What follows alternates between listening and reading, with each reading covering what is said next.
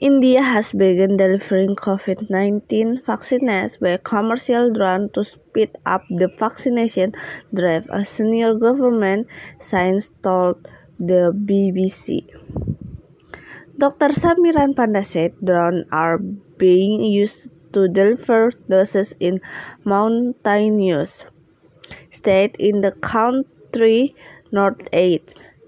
India aims to vaccinate all eligible citizens by the end of 2021, but experts say the drive needs to pick up a consistent pace to meet the target. India has so far given more than 920 million doses of their approved jabs.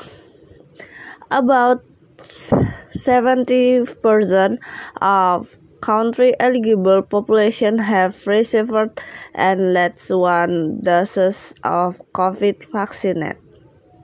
According to official data, India has reported more than 33 million COVID cases, second only the US, and more than